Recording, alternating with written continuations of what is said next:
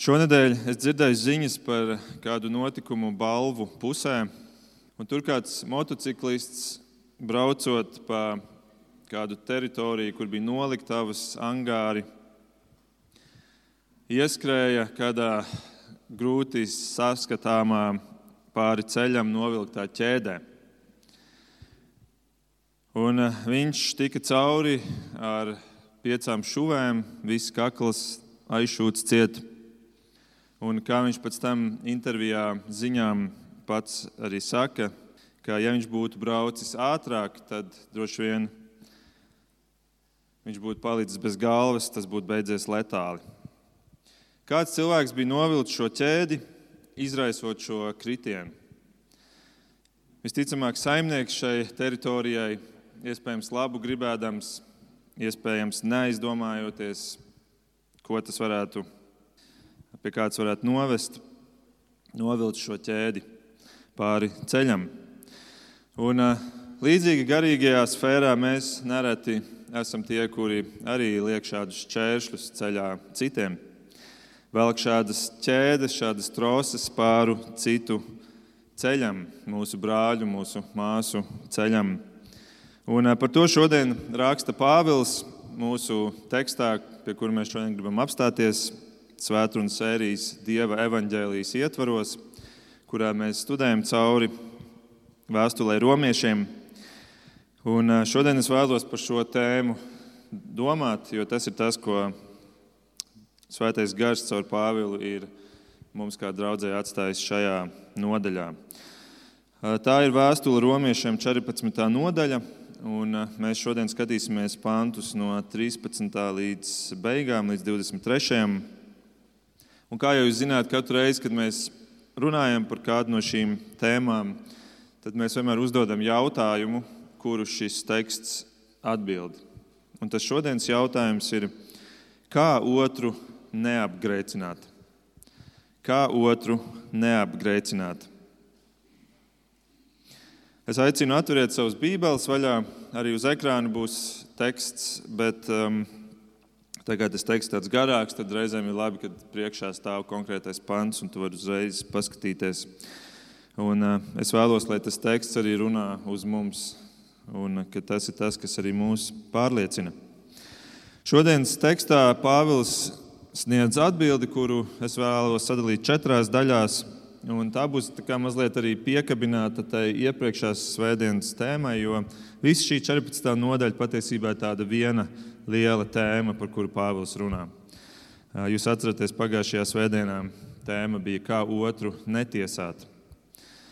Tātad šodienas tēma, kā otru neapgrēcināt. Un pirmais, pirmā atbilde, pirmais punkts ir apzinoties pelēko zonu.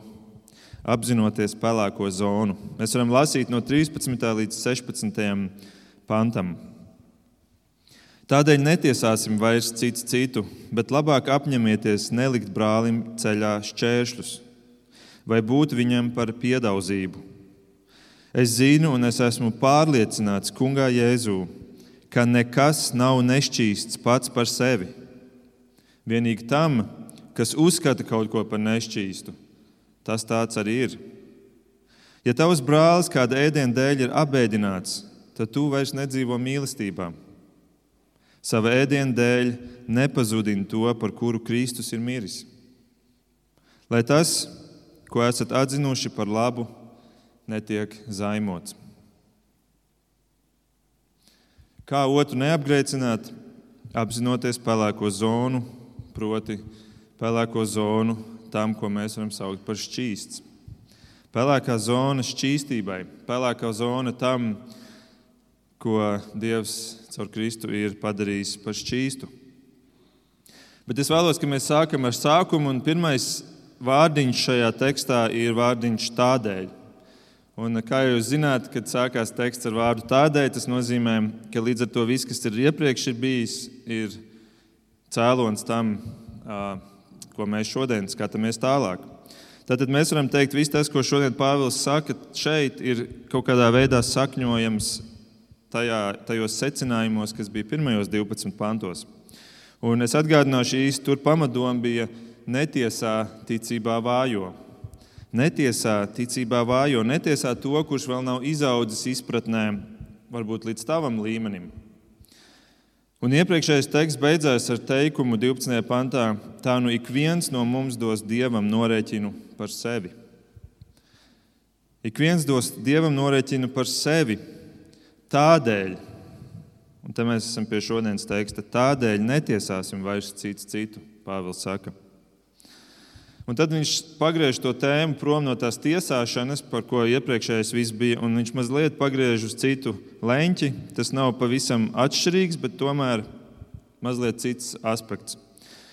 Viņš pagriežas prom no tiesāšanas pretī apgrēcināšanai, pretī apgrēcībai, pretī piedauzībai, ka tu vari kļūt kādam par piedauzību. Iepriekš bija par to, ka tu tiesā viņu, tas ir tas, ko tas virziens no tevis pret viņu, ko tu domā par viņu, kādus spriedumus tu izdari. Un tagad viņš pagriež pretējā virzienā. Tā būta rāda no tā otra cilvēka, ko viņš redzot tevi dara.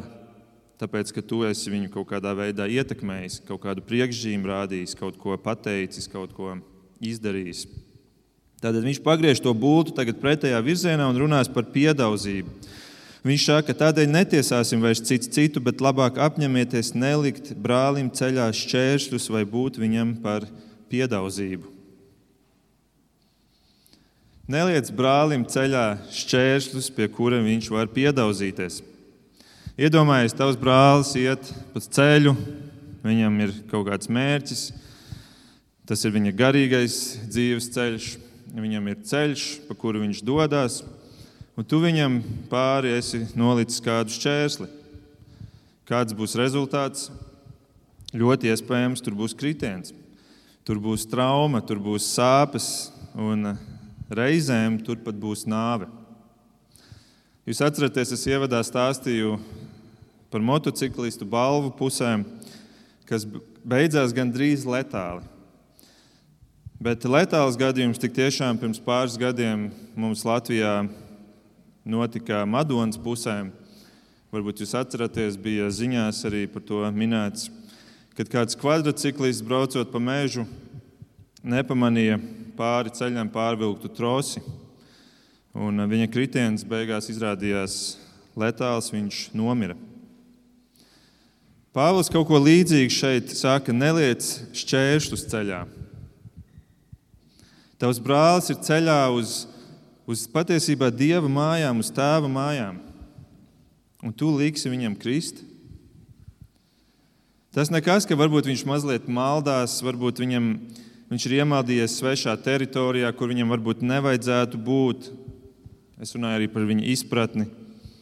Un starp citu, gan balvu motociklists, gan Madonas kvadrciklists bija iebraukuši svešā teritorijā, kurā viņiem teorētiski nevajadzēja būt un nevajadzēja atrasties, kur šis īpašnieks drīkstēja vilkt pāri trosi vai ķēdi. Likums to neaizliedza. Bet tāpat kā viņiem, šiem, šiem īpašniekiem, arī mēs varam jautāt sev, vai tas ir tā vērts, vai centiens atturēt no maldīšanas pa neceļiem ir tā vērts, ja cena ir smags kritiens vai iespējams pat nāve?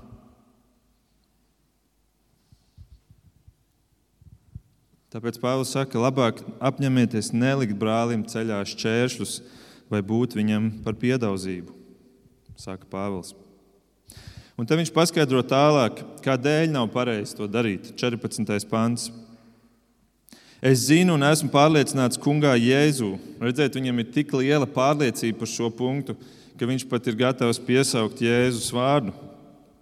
Es zinu un es esmu pārliecināts kungā Jēzu, ka nekas nav nešķīsts pats par sevi.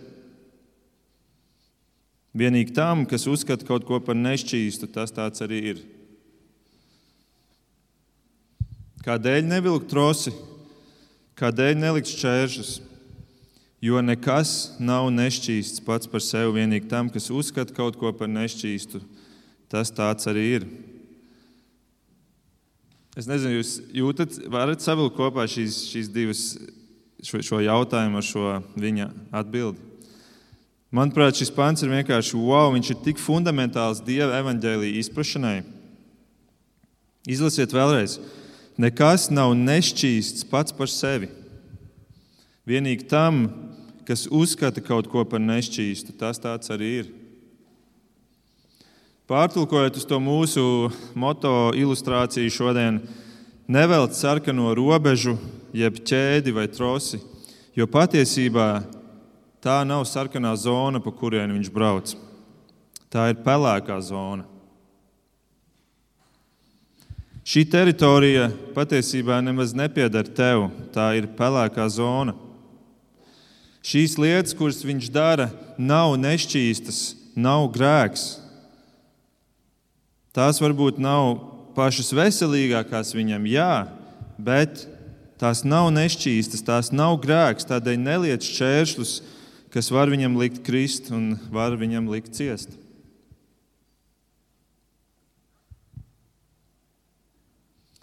Redziet, Dievs visā šajā, ja mēs tā paceļamies no tā teksta, tā, tādā putnu lidojumā, paskatāmies no tāluma, Dievs ļoti mīl vājos.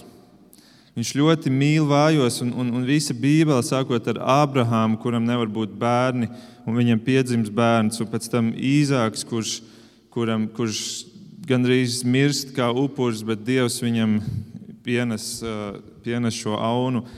Jēkabs, kurš piedzimst kā otrais, bet dabūna beigās pirmdzimtību, līdz jaunajai derībai, kur Marija ir tā maza jauna meitene, kura saņem šo godu dzemdēt dieva dēlu. Mācekļi, kuri ir analfabēti, un viņi ir tie, kur nesīs evaņģēlīju visai pasaulē. Dievs izvēlēs vājos un caur viņiem darbojās un parāda to viņam milzīgo spēku. Dievs mīl vājos, un šeit mēs redzam, viņš arī iestājas par viņu aizsardzību. Pāvils šeit svētā gara inspirēts iestājas par šo vājo aizsardzību. Tik ļoti svarīgi Dievam ir viņa bērni. Un šo Pāvila vārdu īsto svāru mēs, kā 21. gadsimta kristieši, iespējams nemaz nenojaušam. Jo ko nozīmē vārds šķīsts vai nešķīsts? Kas tas vispār ir? Ja es jums izdalītu lapiņas un kāds uzrakstītu, ko tas nozīmē, iespējams, tas, tās atbildes būtu super, super plašas. Bet tiem, kur lasīja šo primārā mērķa auditoriju, viņiem bija pilnīgi skaidrs, par ko ir runa. Jo viss jūdaisms ir balstīts uz šķīstības likumiem. Trešā mūzes, ceturtā mūzes grāmata ir pilna ar šķīstības likumiem, kur ir dots viens likums pēc otra par to, kas ir šķīsts, ko tu drīksti ēst, un kas nav šķīsts. Kad tas ir šķīsts un kad tas vairs nav šķīsts, un tā tālāk. Un, ja tu lieto šīs nešķīstās lietas, tu pats kļūsti nešķīsts, un tev ir jāiet un jāšķīstās Dievu priekšā, lai tu vispār būtu viņam pieejams. Jūdiem šī šķīstība bija tāda dziļi iesakņota vērtība viņu dzīvesveidā. Patiesībā viņu dzīvesveidu veidoja šī šķīstību likumu uh, robeža. Tur bija ēdieni, kurus viņi nēda, tāpēc, ka tu nedrīksti caur to palikt nešķīsts. Ko mēs arī šodien, varbūt vēl kādi dzirdējuši, ir košers, kas ir uh, konkrēta ēdienkārta, ar ko, ko varēst, ko nevarēst. Tur bija dienas, kuras, kurās tu nedrīkstēji kaut ko konkrēti darīt. Tās bija tādas sarkanās robežas, sarkanās ķēdes, mēs varētu teikt, sarkanās troses, kas bija savilktas no visām pusēm. Un, un, un tas bija ļoti svarīgi. Tur tu nedrīkstēji braukt ar savu mociju vai ar savu kvadrciklu.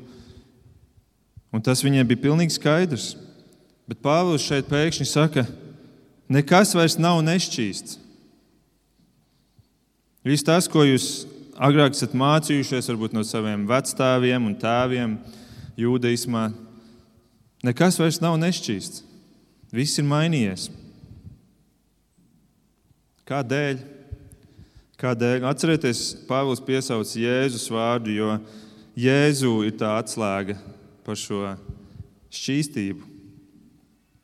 Jēzus visus šos likumus caur savu nāvi pie krusta ir piepildījis.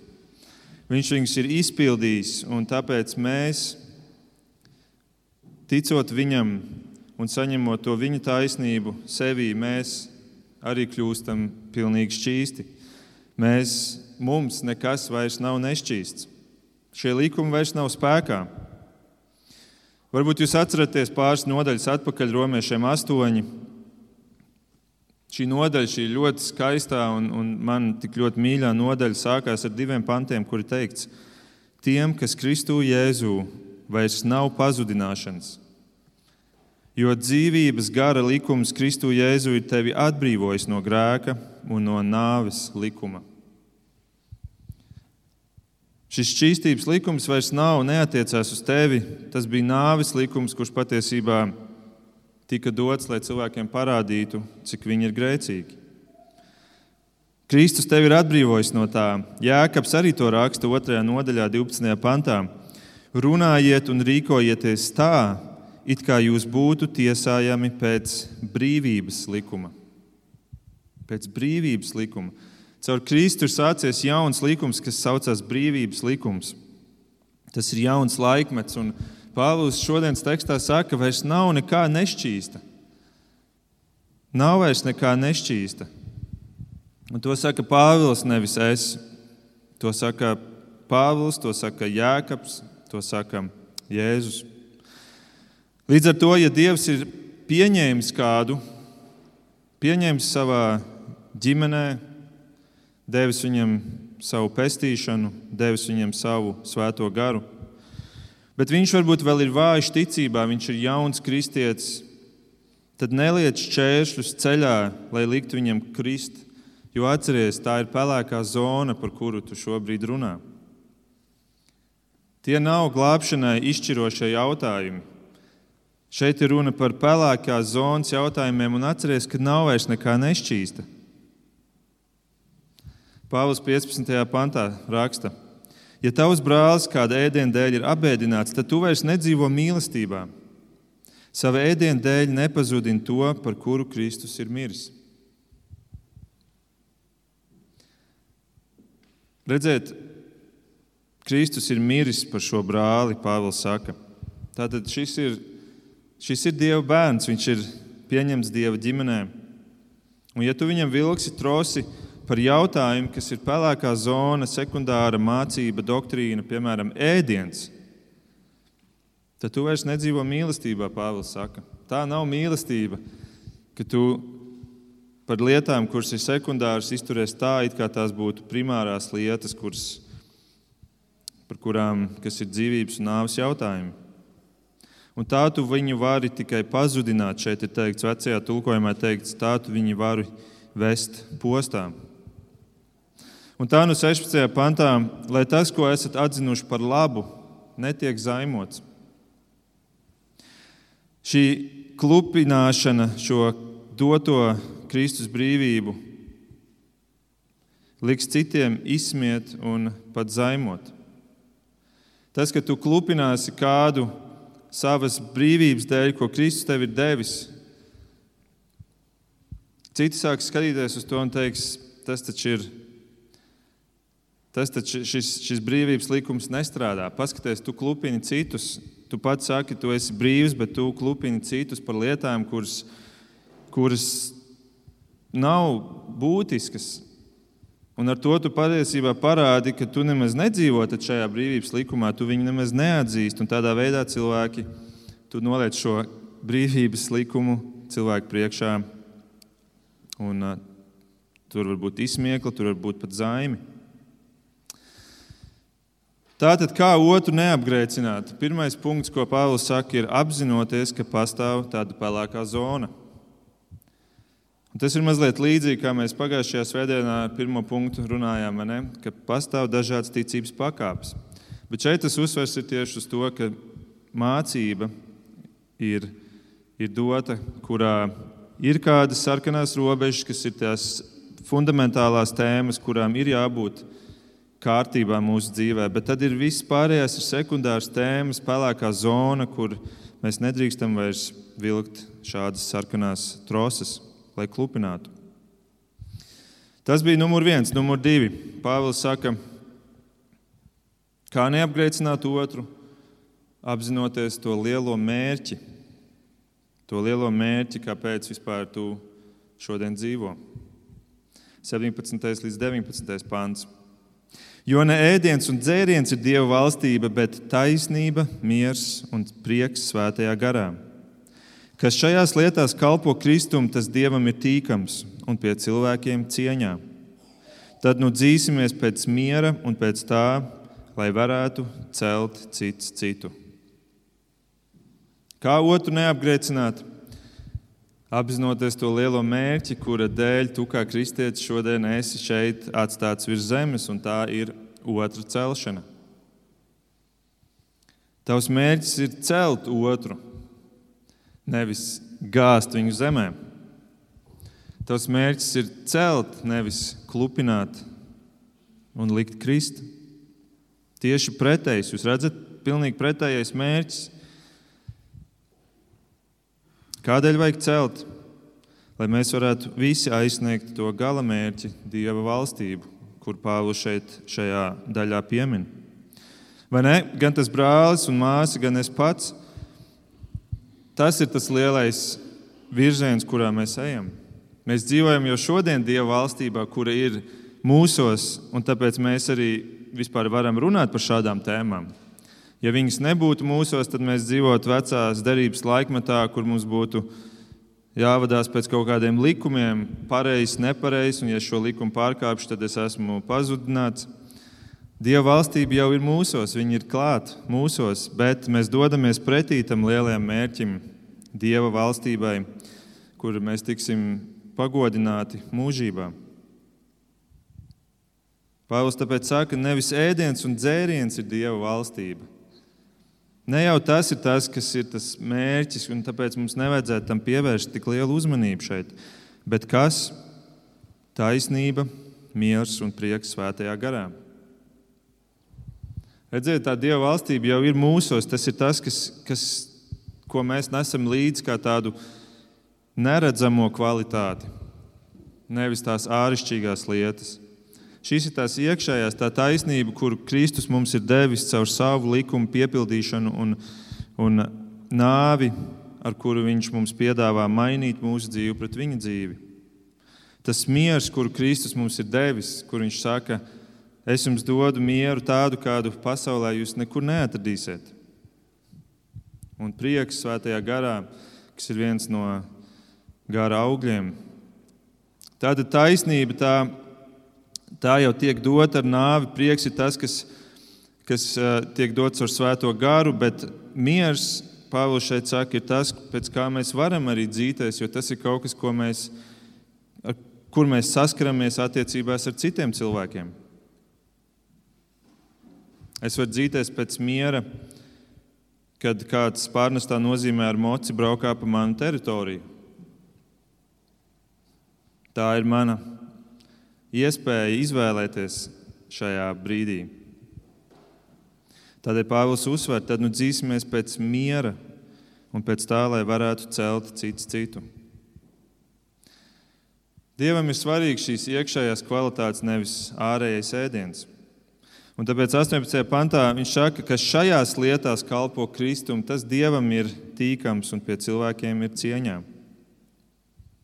Šīs ir tās lietas, kas cels cilvēkus. Tad, kad mēs paskatāmies šajā tēmā, pagriežamies pret Jēzu un pajautājam varbūt viņam, ko viņš par šo domā, tad mēs varētu viņam jautāt, kas ir tas, viņam tika jautāts, kas ir tas mans tuvākais. Atcerieties! Viņš stāstīja, ka vajag mīlēt savu tuvāko, un tad viņam tiek uzdots jautājums, kas tad ir mans tuvākais. Un te viņš stāsta to līdzību par žēlsirdīgo samarieti. Un ko darīja šis žēlsirdīgais samarietis? Tur bija kāds cilvēks, kurš gāja savu dzīves ceļu. Viņam kāds uzbruka, kāds viņu nogāza, piedauzīja. Viņš gulēja sasists uz zemes. Un šis samarietis nāk un viņš ceļ augšā, burtiski viņš paceļ augšā šo kritušo. Un tas ir tāds skaists simbols, kur mēs redzam, ko nozīmē celt otru. Tā ir tā celšana, Kāds parūpējas par to, ka viņš nokrita, bet mēs esam tie, kas nāk un ceļam. Viņš cēla otru, viņš nodarbojās ar otru celšanu. Un pat par spīti tam, ka tas, nebija, ka tas otrs cilvēks nebija viņa tajā kategorijā, jo samarieši nesagājās ar jūdiem. Un tur mēs redzam, kā arī šis samarietis izpilda to taisnību, jo ir taisnīgi glābt cilvēku, kurš, cilvēku, kurš ir veidots pēc, pēc dieva tēla un līdzības. Viņš nesa mieru, mieru pat starp divām karojošajām pusēm. Un viņš noteikti izraisīja prieku šī cietušā cilvēka dzīvēm. Tur ir tie piemēri, kā, ko nozīmē būt tam, kurš ceļ otru. Un tā ir jāizturas pret savu tuvāko, Jēzus saka. Un mēs varam šodien sev uzdot šo jautājumu, kā man iet ar šo? Kā man iet ar, ar to, vai es esmu attiecībās, kur man ir grūti varbūt dzirdēt šo pavēli, cēlu otru? Varbūt sieva vai vīrs, un kad man kāds pasaka, es tas, kurš ceļ viņu. Un tev varbūt liekas, bet viņš jau ir tas, kurš mani nezinu, grūž zemē. Viņš ir tas, kurš uzvelk tās, to sarkano trosīti tur pāri durvju ailai un liek man krist par sīkumiem. Bet Pāvils saka, cēl otru. Un tas viss sākās ar manu tuvāko.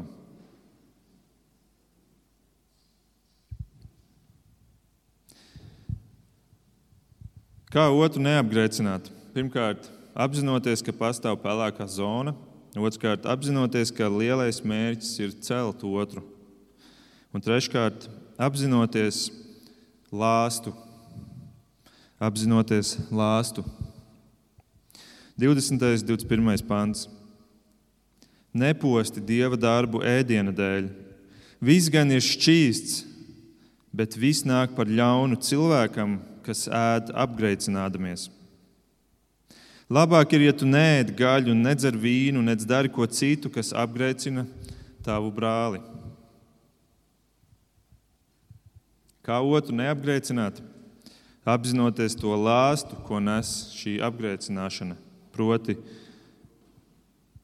ne tikai viņš tiek ieraudzis grēkā, jo viņš dara to apgrēcinādamies, bet tu tiec ieraudzis grēkā. Pāvils vēlreiz uzsver šeit, viss gan ir šķīsts. Tātad tāpat doma, ko mēs iepriekš jau apskatījām, viņš saka vēlreiz, viss ir šķīsts. Tām, kurš ir zem brī, Kristus brīvības likuma. Bet ir viens liels bet. Bet viss nāk par ļaunu cilvēkam, kas ēd apgrēcinādamies. Wow! No viss ir atļauts uz visu nāk par ļaunu. Tur kaut kāda, kā nu kurai bībelē, kur 5 mm pa vidu. Tas gan bija ātri, no viss ir atļauts uz visu nāk par ļaunu. Redzi cilvēku, kuru es apgrēcinu, viņam viss nāk par ļaunu. Tas izklausās pēc kaut kāda lāsta, vai ne? Jūs piekritīsiet? Es viņu apgrēcinu, un viņam šajā tēmā viss nāk par ļaunu. Un tādēļ 21. pantā ir teikts, labāk ir, ja tu neēd gaļu, nedzer vīnu, nec dari kaut ko citu, kas var apgrēcināt tavu brāli, kas apgrēcina tavu brāli.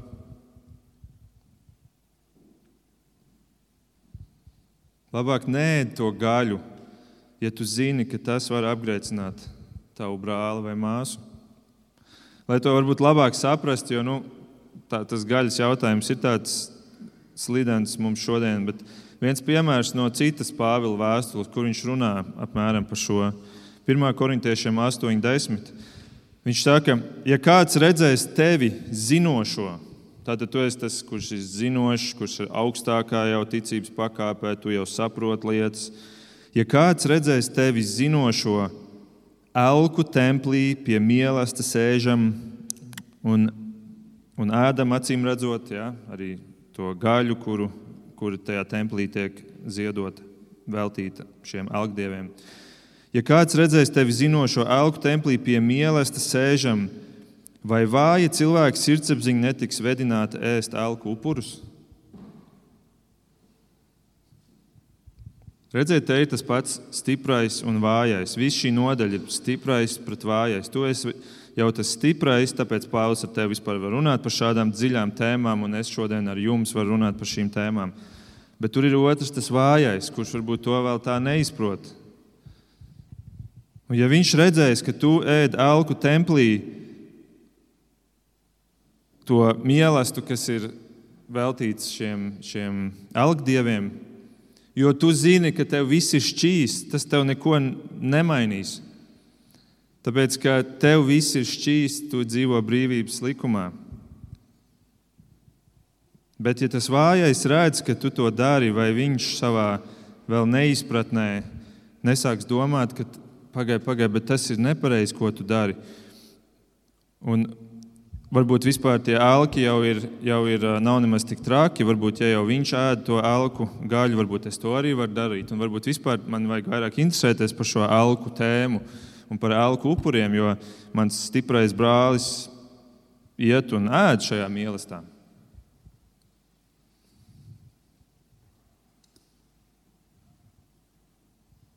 Bet tomēr nevajadzētu atturēties, ja to redz vājais, kurš vēl nav pilnīgi izpratis Kristības brīvības, Kristus brīvības likumu. Pāvils saka, jā, jā, jo tava apgrēcināšana var būt kā lāsts, kas padara visu viņa ēšanu ļaunu.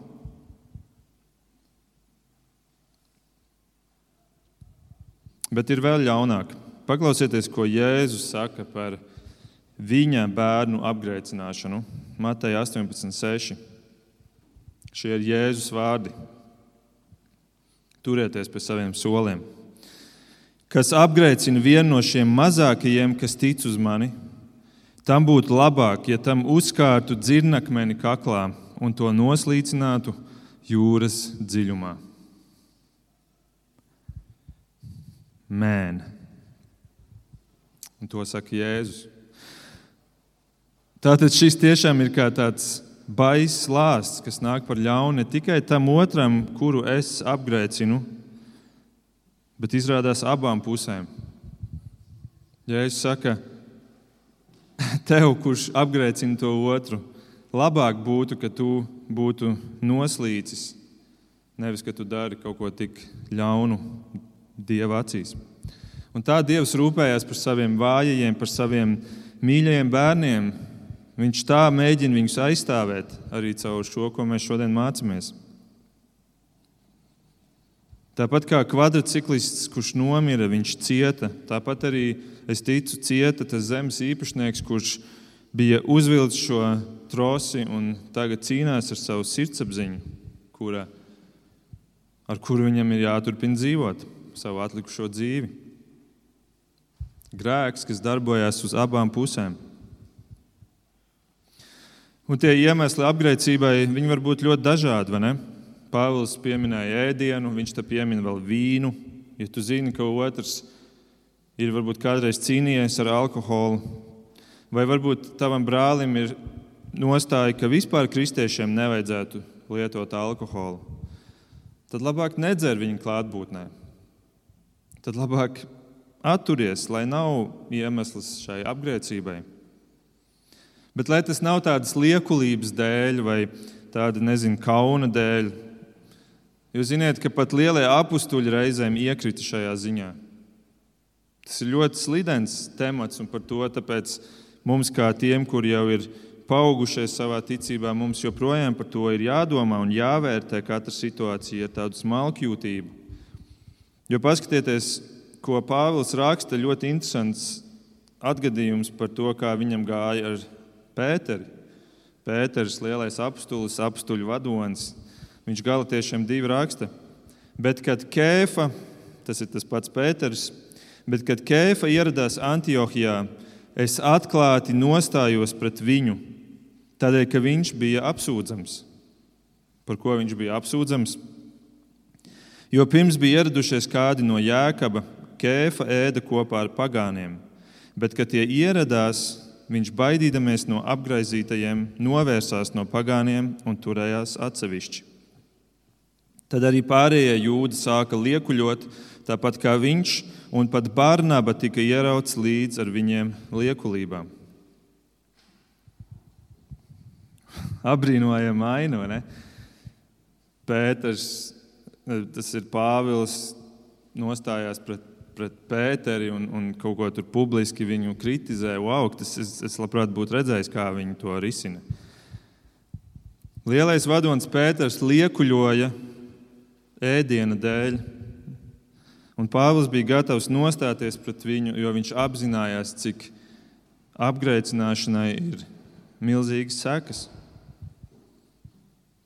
Un mēs pat redzam, ka Barnaba tika ierauts visā šajā liekulībā. Barnaba, jaunais, ticīgais, jaunais māceklis, skatās uz savu lielo Pēteru un skatās, Pēters pēkšņi redz, nāk jēkabs, ātri ejam prom no šī galda. Ne, negribam rādīt, ka mēs esam ēduši kopā ar pagāniem un varbūt pat esam cūgaļu ēduši un nezinu, ko vēl. Ejam, ejam malā un, un, un izliekamies, ka mums nav nekā kopīga. Un Barnaba, labi, labi, labi Pēters. Tik viegli tas strādā, un abi ir ierauti liekulībā. Un...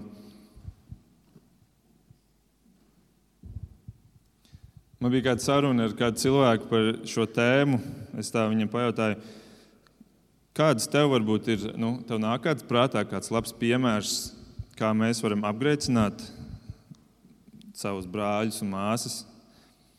Un tad šis cilvēks teica, zini, vispār ir baigi grūti saprast, kā es varu otru apgrēcināt, jo es jau nezinu viņa iekšējo pasauli. Es nezinu, kas ir tās tēmas viņam, kur, par kurām viņš varbūt ir ļoti jūtīgs un, un, un, un, un tam līdzīgi. Bet, manuprāt, Bībele māca, un arī šis piemērs, Pāvila un Pētera piemērs rāda, ka primāri mēs varam apgrēcināt otru tur, kur mēs zinām, kāda ir viņa nostāja.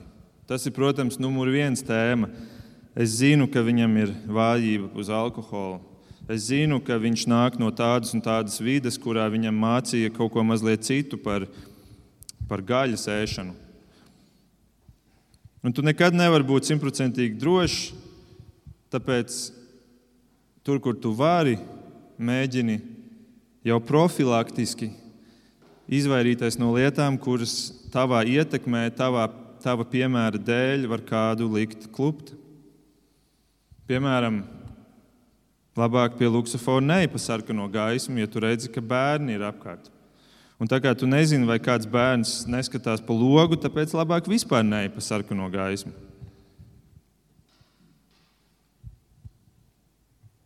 Labāk neklausies mūziku, ar, kur dziedātāji ir no, no draudzēm, ir, kurām ir apšaubām teoloģija. Kāds redzēs tavu piemēru, kurš varbūt vēl ir ticībā vājš, kāda brā, māsa, kāds brālis. Un viņam liksies forši. Es gribu painteresēties vairāk par šo draugu. Gribu, man, tā mūzika ļoti patīk un uzrunā, un tāpēc es gribu arī paklausīties tās svētrunas. Un tu nemaz nenojaut, kā tu esi viņu iespējams apgrēcinājis ar to, ka tu viņam esi parādījis šīs durvis pa kurām tu varbūt stiprais vari ieiet un iznākt, un tev nekas tur nav. Tu no, no putekļus nopurini no pleciem, bet viņam, viņš tur var paklupt tajā blakus telpām.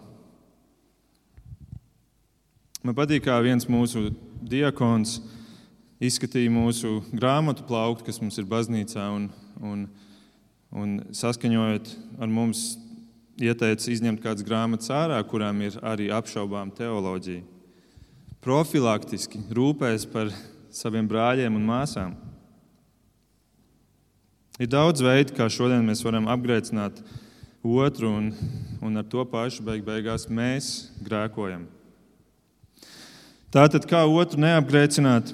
Pirmkārt, apzinoties, ka pastāv pelēkā zona, otrkārt, apzinoties, ka kristiešu lielais mērķis ir celt otru, treškārt, apzinoties apgrēcināšanas dubulto lāstu, Un ceturtkārt, nobeigsim ar kaut ko skaistu, apzinoties svētību, jeb to laimi, ko nes šī, šāda rīcība. Un tas ir 22. un 23. pants. To ticību, kas tev ir, paturi pie sevis Dieva priekšā. Laimīgs, kas sevi netiesā par to, ko atzīst par labu.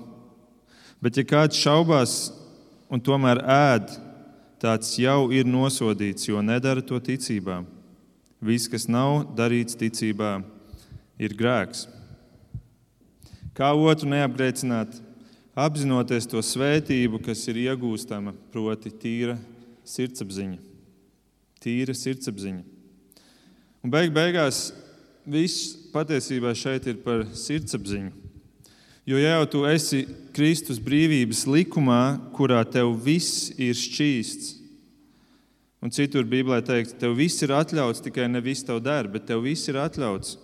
Ja jau tu dzīvo šajā likumā, tad nekas vairs tevi nevar pazudināt. Romiešiem 8.1.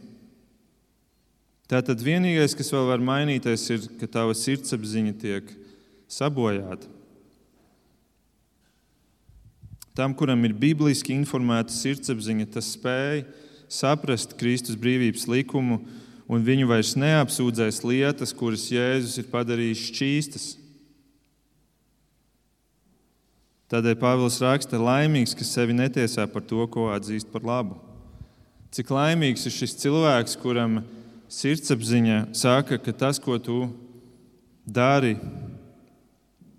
tas, ko tu arī pret citiem dari, tas, ka tu esi mēģinājis novilkt robežu profilaktiski, ka tas tev dod šo sirdsapziņu, kura tevi neapsūdz. Un Pāvils šo vairāk kārt Bībelē saka par sevi, piemēram, apstuļu darbiem 24. Viņš raksta, tādēļ es arī pats vienmēr cenšos Dievu un cilvēku priekšā turēt tīru sirdsapziņu. Tīra sirdsapziņa, liela laime. Vai tev ir tīra sirdsapziņa? Tagad tu paskaties spogulī uz sevi, vai tas, ko tu redzi, tās acis divas, kurās tu ieskaties, tu to vari darīt bez tāda kauna, Kad tu dodies gulēt, vai šī sirdsapziņa tevi apsūdz, neapsūdz? Laimīgs tas cilvēks, kuram tā var būt īra. Un tāpēc šo laimi, šo lielo svētību, šo milzīgo laimi ir svarīgi sargāt ne tikai sev, bet arī tiem, kas mums ir apkārt. Arī tam, kurš vēl ticībā ir vājš, saglabāt viņa sirdsapziņu tīru, lai viņš var priecāties tajā, ko viņš jau ir saņēmis no Dieva, sapratis no Dieva nevis apgrēkoties tajā, ko viņš vēl nav sapratis. Es pateikšu vēlreiz šo domu.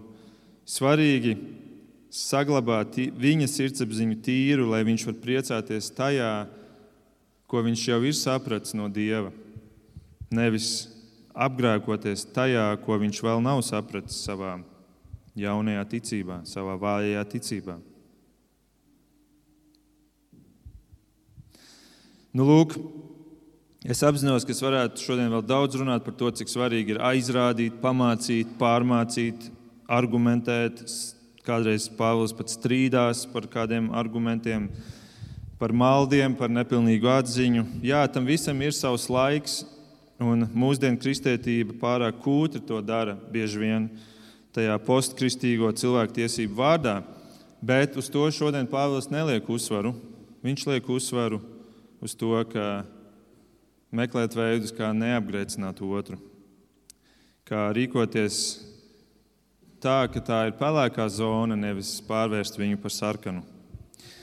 Tātad, noslēdzot, kā otru neapgrēcināt, pirmkārt, apzinoties, ka pastāv pelēkā zona doktrīnām, mācībām, apzinoties, ka, ka lielais mērķis ir celt otru, apzinoties lāstu, ko saņem abas puses apgrēcības darbībā.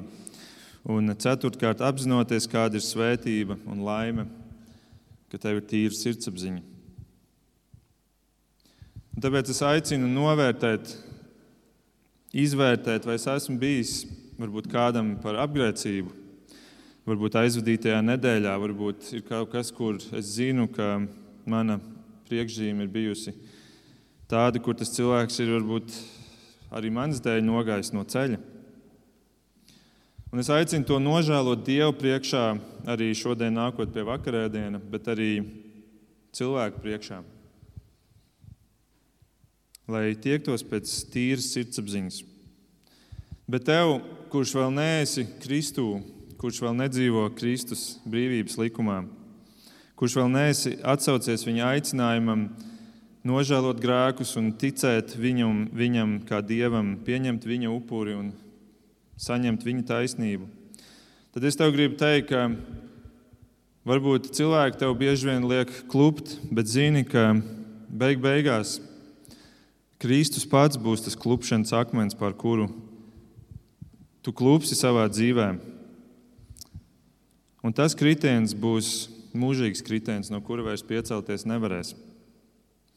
Tāpēc es vēlos noslēgt ar vārdiem, ko Pēters raksta, un tas būs pēdējais pants. Vienkārši ieklausieties. 1. Pētera 2.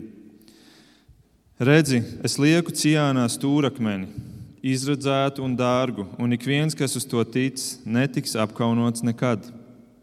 Jums ticīgajiem tas ir gods, bet neticīgajiem akmens, ko nama cēlā ir atmetuši.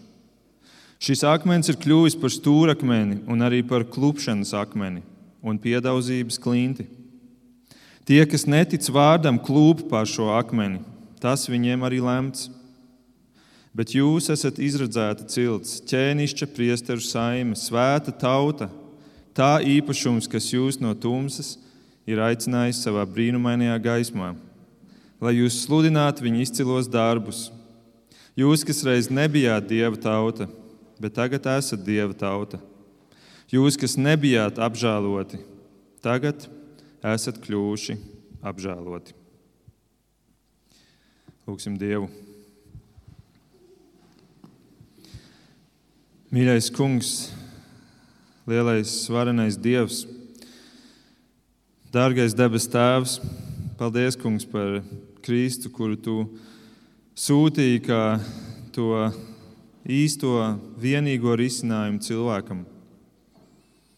Paldies, Jēzu, par tavu nāvi pie krusta. Paldies, Kungs, ka tu biji gatavs iet šo ceļu, lai tu varētu mainīt savu dzīvi pret mūsu grēcīgajām dzīvēm. Un paldies, ka, Kungs, tevī ir atrodama taisnošana, ka tu vari dot to, kas ļaus mums iet tālāk šo dzīvi, kur mēs varēsim teikt, ka nekas vairs nav nešķīsts mums. Mēs no daudz kā gribam atteikties, bet patiesībā nekas vairs nav nešķīsts mums, jo tava taisnība ir tik spēcīga, ka tā apklāj visu. Tava žēlastība ir tik spēcīga, ka tā apklāj katru grēku. Un paldies, Kungs, par šo žēlastību, par šo lielo, lielo žēlastību, ka mēs varam būt tevī, būt tevis taisnoti, ka mēs varam augt savā ticībā, runāt par šādām tēmām, kuras tu gribi savai draudzēji dot un palīdz, ka mēs būtu tādi, kuri uzņem šo un arī savā dzīvē to pielieto. Palīdz mums būt jūtīgiem pret grēku un dzīvot tā, lai mēs varam dzīvot ar tīru sirdsapziņu un lai tie, kas mums ir apkārt, lai tiem mūsu sirdsapziņa, lai mūsu rīcība neliktu bojāt viņu sirdsapziņu. Palīdz mums neapgrēcināt vienam otru, bet celt vienam otru. To mēs lūdzam Jēzus vārdā. Amen.